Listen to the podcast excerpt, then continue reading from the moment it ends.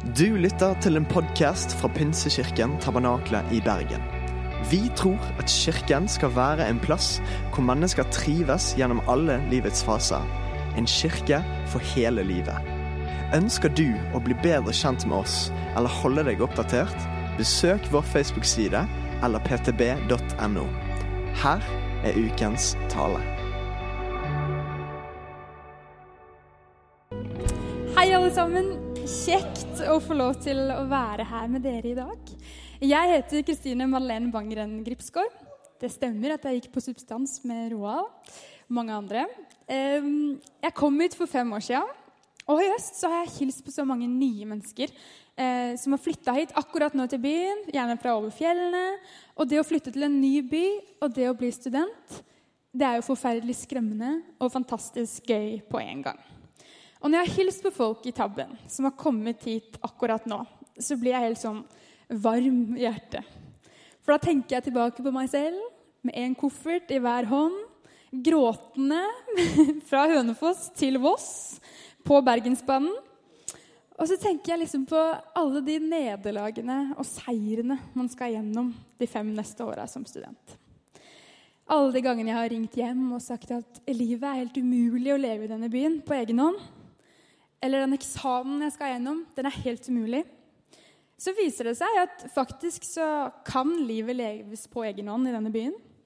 Og at de fleste eksamenene de kommer du deg gjennom. Um, I august så skulle jeg et eller annet i byen, eller på et møte. Og så er jeg alltid litt sånn pinlig tidlig ute.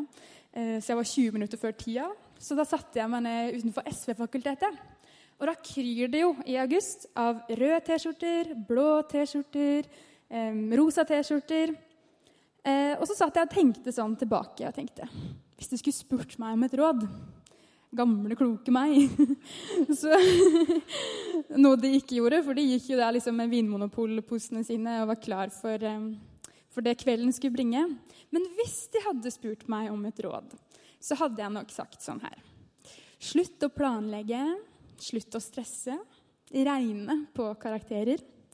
Jeg tror jeg hadde sagt at eh, mest sannsynlig så kommer det til å gå veldig bra de neste åra. Og at det som ikke går bra de neste åra, det kommer til å gå over. Jeg ville også sagt én ting til. At det å engasjere seg i en lokal kirke her i Bergen, det er det klokeste jeg gjorde i min studietid. I starten da jeg gikk her, det var hver fredag, som det var da, så gikk jeg fredag etter fredag. Men det var da jeg virkelig tenkte at dette er min kirke.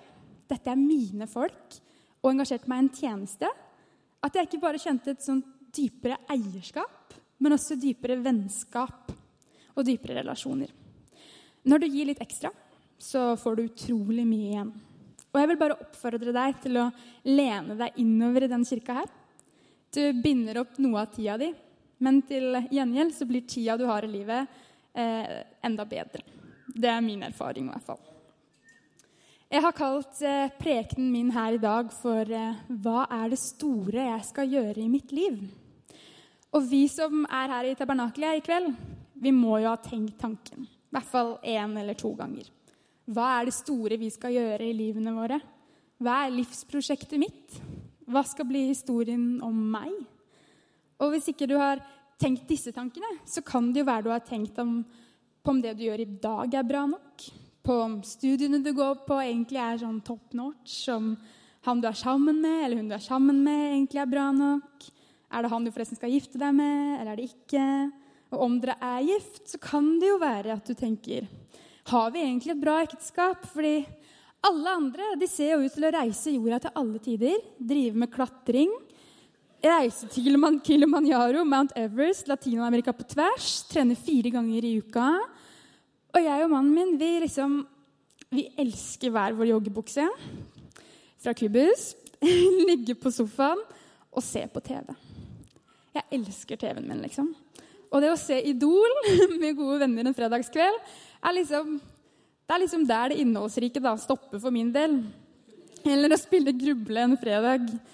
Um, og da hender det av og til da når jeg ligger der foran TV-en i joggebuksa fra Kubus, at jeg begynner å lure på Burde jeg reist til Latin-Amerika på tvers? Burde jeg reist til Midtøsten? Burde jeg begynt å trene skikkelig? Burde, burde, burde. Det siste så har jeg ofte tenkt sånn ah, Lever jeg egentlig et innholdsrikt liv som er nok innholdsrikt? For folk driver jo med klatring, og jeg ser på første rad. Fjellturer, og jeg ser fortsatt på første rad. Rafting, og det er noe sikkert dere på første rad kunne drevet med. Optimaliserer jeg tida mi her på jorda? Og vi lever jo i en tid som i alle fall inviterer til spørsmålet. Vi er den generasjonen som kan gjøre hva vi vil, når vi vil, hvor vi vil det. Og der hvor våre besteforeldre hadde en jobb, og gjerne den samme jobben, i kommunen i 30 år og fikk gullklokke, så lever vi i en tid hvor overskriftene er 'taktiske råd i karrieren'. Når du bør tenke på å forlate jobben og planlegge din lederkarriere. I vår tid så kan du faktisk leve av å være den du er, bare du bjuder nok på livet ditt. Kardashian-familien er jo et glimrende eksempel på det. Men også i Norge så har vi influensere som gjennom sitt liv forsøker å få deg til å ta de valgene du tar. Og bruke de kremene de bruker, bruke de klærne de bruker, og bruke de hårekstensionene de bruker, osv., osv., osv. Hjemme hos oss så ser vi faktisk Legg merke til at det er et 'vi' der på bloggerne. og studentene her i kveld vi er jo de første de begynte å kalle for generasjon prestasjon for seks-sju år siden. Dette er en del av den konteksten som vi er i ferd med å bli voksne i.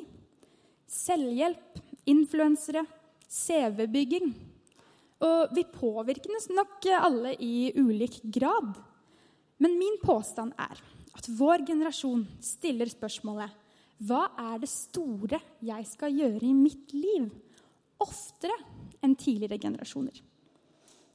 Og så har vi en kirkekultur som egentlig står i motsetning til dette.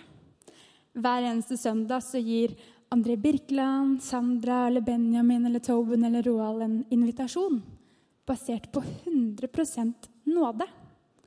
Ønsker du å ta imot Jesus som din personlige frelser? Og spørsmålet det står egentlig i stor kontrast til resten av den kulturen vi lever i.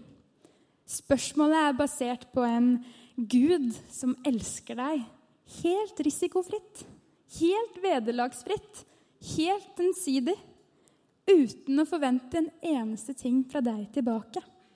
Og når vi har gått der en stund, og i hvert fall i mange år, så kan den frelsesinnbydelsen bare høres så vanlig ut. Nå er det den igjen, liksom. Men spørsmålet som blir stilt her hver eneste søndag, det er radikalt. Men som kirke farges vi av den tida vi lever i. Og slogans, det er jo en populær ting i vår tid.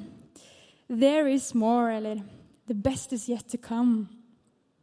Og hvis vi nå har den samfunnsmessige konteksten bak, som jeg forklarte i sted, kan det hende at det bygges opp en sånn konstant forventning om at det må jo komme noe mer i mitt liv. For uh, there is more, eller? Eller en slags sånn pliktfølelse. Jeg må eh, jobbe med kallet mitt. Jeg må virkelig legge til livet mitt til rette. fordi det kan jo kanskje skje noe stort, for the best is yet to come, eller? Jeg veit ikke. Jeg bare spør. Uansett så har jeg lyst til å adressere spørsmålet her i dag. Hva er det store jeg skal gjøre i mitt liv? Jesus han fikk spørsmålet, han også. I Matteus 22, 37 så står det Da Jesus underviste, kom det en gjeng fariseere bort. En av dem, en lovlærd, stilte et spørsmål for å prøve ham. Fariseeren sier, 'Mester, hva er det største budet i loven?' Jesus sa til ham, 'Du skal elske Herren din Gud av hele ditt hjerte' 'og av hele din sjel og av all din forstand.' Dette er det første og det største budet. Men et annet er like stort. Du skal elske de neste som deg selv. Spørsmålet innledningsvis det var hva er det store jeg skal gjøre i mitt liv? Og for å svare på det, så syns jeg at vi skal bore i det jeget. Hva er et menneske, egentlig? Hva er verdien av et menneske? Jesus sier jo at du skal elske din neste som deg selv. Hva er du verdt? For verdien av et menneske må jo være relevant. Verdien av et menneske må jo spille inn på spørsmålet hva er det store jeg skal gjøre i mitt liv? Hvilket eh, kjønn du skulle være, og hvilken øyefarge du skulle ha, og hvilken hudfarge du skulle ha. Alt dette ble avgjort i befruktningsøyeblikket. Og etter tre uker så begynte hjertet å slå. I Salme 139 så står det For du har skapt mitt indre. Du har vevd meg i mors liv. Du så meg den gangen jeg var et foster. I din bok ble alt skrevet opp. Mine dager blei danna før en eneste av dem var kommet. Gud, hvor høye dine tanker er, hvor veldig er summen av dem? Vil jeg telle dem, så er de talløse som sand. Og blir jeg ferdig med det, så er jeg ennå hos deg. Det er eh, kong David som skriver disse ordene. Og Salmenes bok det er antagelig verdens mest leste bønnebok og sangbok.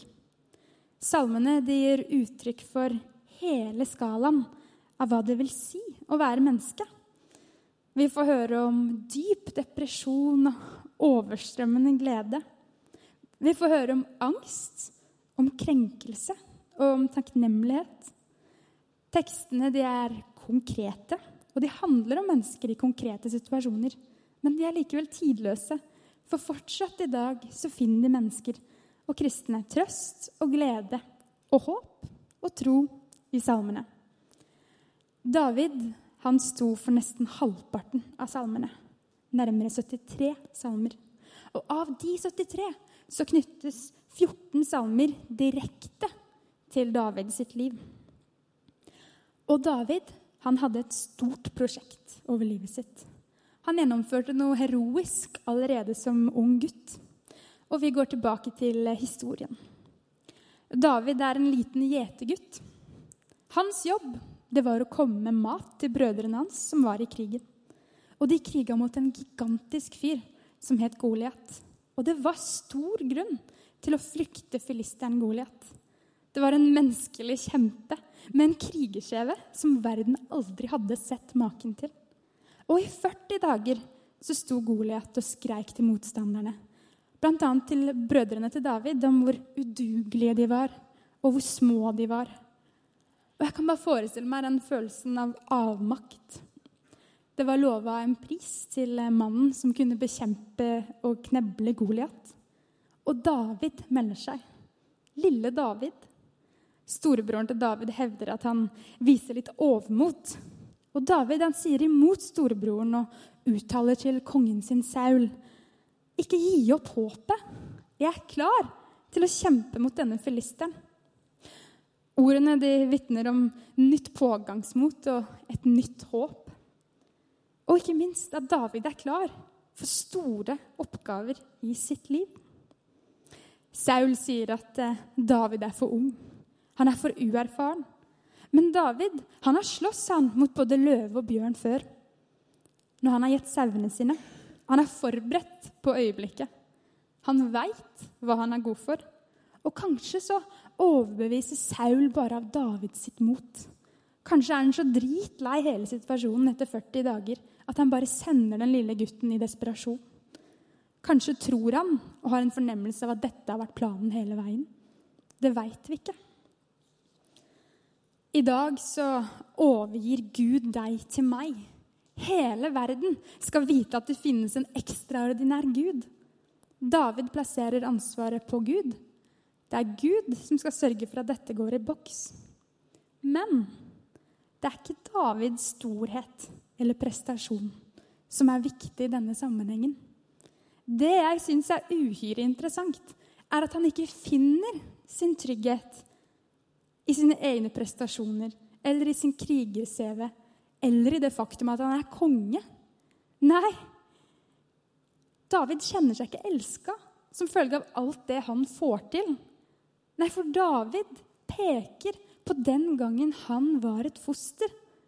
Den gangen verden ikke kunne se eller vite om hans framtidige prestasjoner.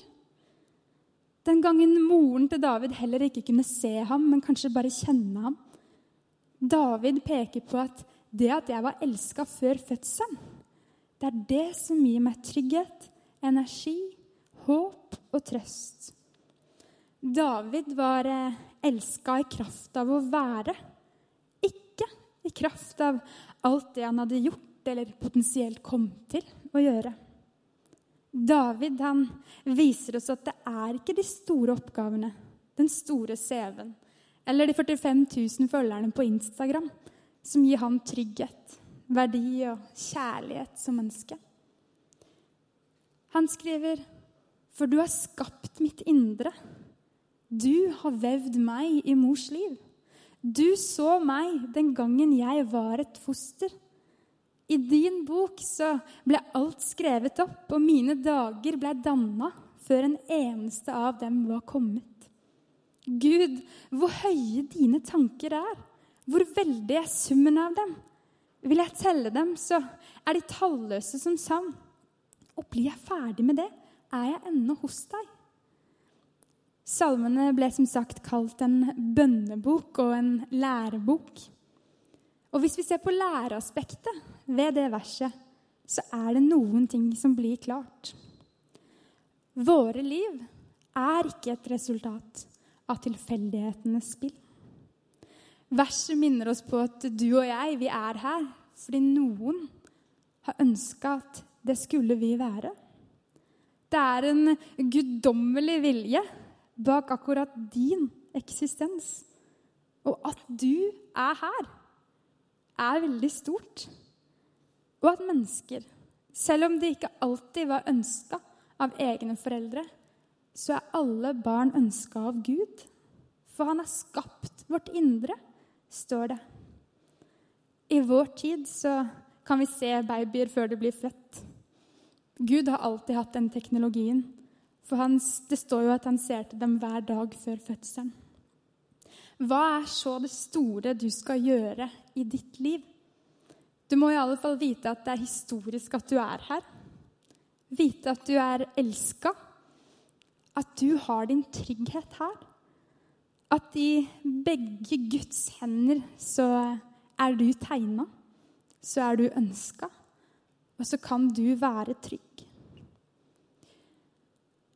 Hvor mange dumme valg har ikke blitt basert på menneskers usikkerhet på seg selv?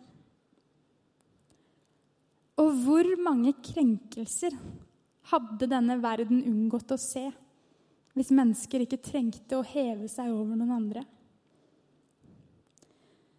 Den eh, første store oppgaven i vårt liv er å ta imot tryggheten, hvilen, kunnskapen om at vi er elska, tegna i Guds hender. Vi er jo ikke bare tegna i Guds hender, men vi ble skapt i Guds bilde. I første Mosebok 1 så står det La oss lage mennesker i vårt bilde, så de ligner oss. De skal råde over fiskene i havet og fuglene under himmelen, over feet, over ville dyr og alt krypet som kryr av på jorden. Det verste her det lærte jeg meg da jeg var ni år. Og det var fordi jeg gikk på en barneskole som var eh, adventistisk. Og adventister er veldig veldig fine folk. Mange av dem er vegetarianere. Sånn at eh, det var den barneskolen jeg gikk på. Der var det vegetariansk kosthold. Og når jeg da hadde med leverpostei, så var det sånn Æsj, åpne opp vinduet! Bangeren har leverpostei! Og eh, da sa pappa nei, det står. Han sa dere skal råde over fiskene i havet, fuglene under himmelen, over feet og over alle ville dyr. Så det å spise kjøtt og leverpostei, det skulle jeg bare ha trygghet, trygghet i, da, ifølge pappa. Men i alle fall. Marianne Skjelbred, som er en fantastisk kristen kunstner, hun maler bilder av Bergen. Og Bryggen er et særlig kjent motiv. Og av og til så maler hun abstrakt. De er ikke Bergen, men de minner om Bergen. Det er ikke Bryggen vi ser, men det minner om Bryggen. Det er jo et uh, kunstnerisk uh, bilde. og mennesket er skapt i Guds bilde. Vi er ikke Gud, men vi har litt av oss i ham, og vi skal representere ham her på jorda. Og mennesket i seg selv er fantastisk. Siden vi blei skapt i Guds bilde, så fikk vi også skaperevner. Vi ble satt til å råde over dyrene, og vi fikk mandatet til å lage et samfunn slik vi ville ha det. Mennesket har gjort fantastiske ting. Vi kan ha skapt så mye teknologi nå at vi setter en hel generasjon til å bli arbeidsløse. Automatiske butikkmedarbeidere som nå skanner varene for oss. Vi har funnet fantastiske medisiner som kurerer sykdommer som man bare kunne drømt om å kurere for 100 år siden. Vi har tilnegna oss så stor kunnskap om verden, om verdensrommet og om andre kulturer. Men hva er så det største vi kan gjøre? Hva er oppgaven i livene våre? Vi går tilbake til Matteus 37. Da Jesus underviste, kom det en gjeng fariseere bort. En av dem, en lovlærd, stilte et spørsmål for å prøve ham. Fariseeren sier, 'Mester, hva er det største budet i loven?'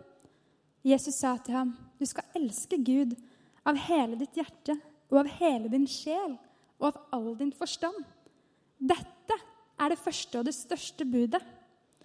Men et annet bud er like stort. Du skal elske din neste som deg selv. Det store vi skal gjøre i vårt liv, er å elske Gud og elske mennesker. Vi ble skapt i Guds bilde med skaperevner. Men rammen rundt er å elske Gud og elske mennesker som seg selv. Å elske Gud og å elske mennesker, det er selve livsnerven. Og det bør forfølge oss gjennom alle sesonger av livet. Enten vi er unge, gamle, studenter, ungdomsskoleelever. Men også i alle roller vi har, bare i løpet av en dag. Foreldre, ektefeller, studiekamerat, kollokviemedlem, et medmenneske. Under det året jeg gikk på substans, så frustrerte jeg meg utrolig mye over det spørsmålet. Hva er det jeg skal gjøre? Hva er det jeg skal bli, og hvordan skal jeg leve? Hver coachingsamtale gikk med til akkurat det spørsmålet. og Jeg kunne gå meg vill i det. Lite nyttig og lite konstruktivt. Og jeg har en dagbok fra den tiden hvor jeg daglig etterlyser et sånt kart og på en måte en livsbok fra Gud med sånn detaljerte tidsbegrep. Gjør det, og så gjøre det. Så gifte meg. Så må jeg få et skikkelig tydelig svar, Gud. Og så, hva skal jeg gjøre det? Skal jeg bo i Bergen? Skal jeg bo der? Skal jeg gå i den kirka? Skal jeg gå i den kirka?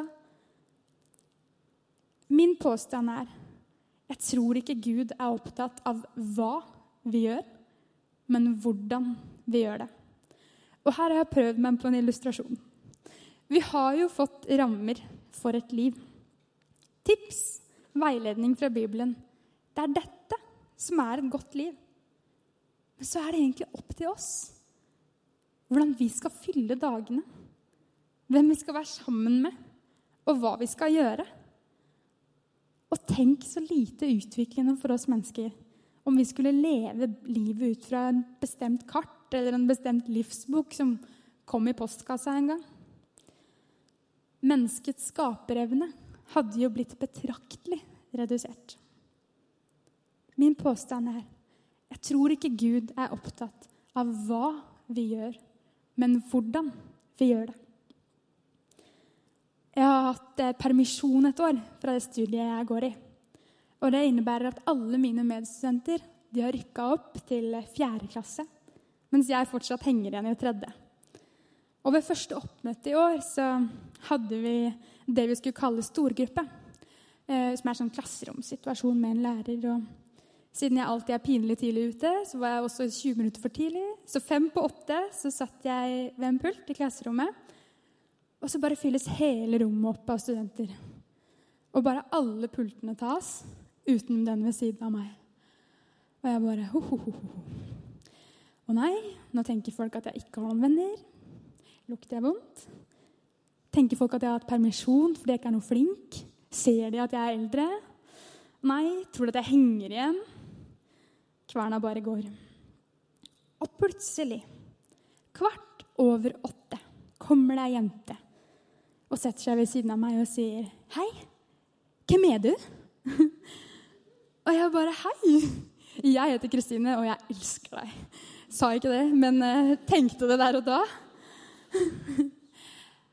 og mitt spørsmål er er du en som tar initiativ overfor det neste. Din neste, eller den ene, er veldig ofte noen i kristne sammenhenger som ikke har det bra. Det er liksom en gruppe litt sånn der borte, de som enda ikke tror, de som er utsatt i samfunnet, de som er utenfor. Og så er liksom det en gjeng, de neste. Men egentlig er ikke det sant. For de neste er deg, og det er meg. Politikere i valgkampen snakker ofte om nei, jeg vil kjempe for de som er nederst ved bordet. Og i kristen sammenheng så kan det ofte bety den ene eller de neste. Min påstand er vi bytter på å sitte rundt det bordet gjennom et helt liv. I løpet av et helt liv så bytter plasseringene våre. Og det er så mange rike mennesker i Norge som har sagt sånn Jeg betaler min skatt med glede. Og så lurer jeg ofte på sånn Ja, jeg tror det er fordi samfunnet en gang stilte skikkelig opp for deg da du trengte det. Et møte med et sykehus, en DPS. Hva vet vel jeg?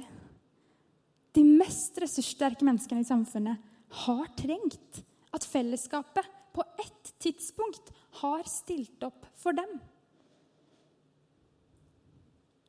I Norge så er livet fra toppen til bunnen kjapp. Det betyr at jeg er din neste og din ene, og at du er min neste og min ene. Gir du av ditt overskudd til andre? Deler du på den tida du fikk her? Er du den som sender det inkluderende blikket og sier 'sitt med oss'? Eller som kvart over åtte daler ned ved siden av den personen som ikke har noen å sitte med, og sier 'Hei, hvem er du?' Innenfor de rammene som Gud har satt. Hvordan velger du å leve livet ditt? Hvordan forvalter du det du fikk? Hvordan forvalter du overskuddet ditt? Min påstand er at rammen over livet er dette. Elske Gud og elske mennesker som du elsker deg selv. Langs livsarket vi fikk utdelt da vi kom hit på jorda, så står de ordene. De er rammen for livet vårt. Og så fikk vi noe annet. Fargeblyanter. Skaperevne. Hva skal vi fylle arket med? I disse dager når jeg reflekterer rundt spørsmålet, så handler livet mitt mye mindre om hva livet kan gi til meg, hva jeg skal få ut av de dagene mens jeg er her, men heller med hva kan jeg gi til livet? Vi har ikke kontrollen over hva som skjer de neste 60 årene av livene våre.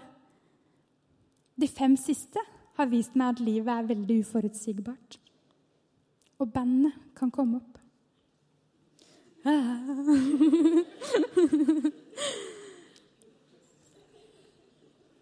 I jakten på å oppnå store ting så gjør mennesket utrolige ting. I Matteus 16 eh, så sier Jesus hva vil det gagne et menneske dersom det vinner hele verden, men taper sin sjel? Hva skal vi strebe etter? Anerkjennelse? Penger? Som eh, nevnt innledningsvis så kan det jo hende at vi ser litt på bloggerne. Og de lever jo et liv hvor de går på events, de møter masse andre semikjente folk, de har mange hundre tusen følgere på Instagram, og mest av alt de får så mye klær gratis. Likevel så sitter nesten samtlige bloggere i nesten hvert program og gråter. Fordi de har det vondt. Fordi de ikke vet hvem de er. Fordi det ikke er samsvar mellom den personen de selger ut, og den de opplever at de er selv. Og de lever tilsynelatende i et identitetsmysterium som det er slitsomt å leve i. Jeg tror ikke at eh, Gud er opptatt av hvor vi er, men hvem vi er der vi velger å være.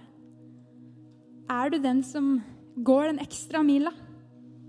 Trakter vi etter opplevelser, slik som dette opplevelsessamfunnet bare legger opp til? Eller tenker vi å følge en eldgammel verdi som er vakrere enn noen gang, nemlig trofasthet? Er vi det bildet på Gud der hvor vi nå er i livene våre? Representerer vi her noe annerledes, noe ekstra, noe mer? Avslutningsvis vil jeg drodle litt rundt det å elske Gud. For det å elske noen, det er så intenst, liksom. Det høres så intenst. Og alle filmer lærer oss til at det er liksom konstant noe fint. Det er konstant noe vakkert, og det er konstant boblende følelser og bare idyll. Livet med Gud er jo ikke sånn. Det er jo litt sånn som med ekteskap. Vil du elske ham og ære ham til døden skiller dere av?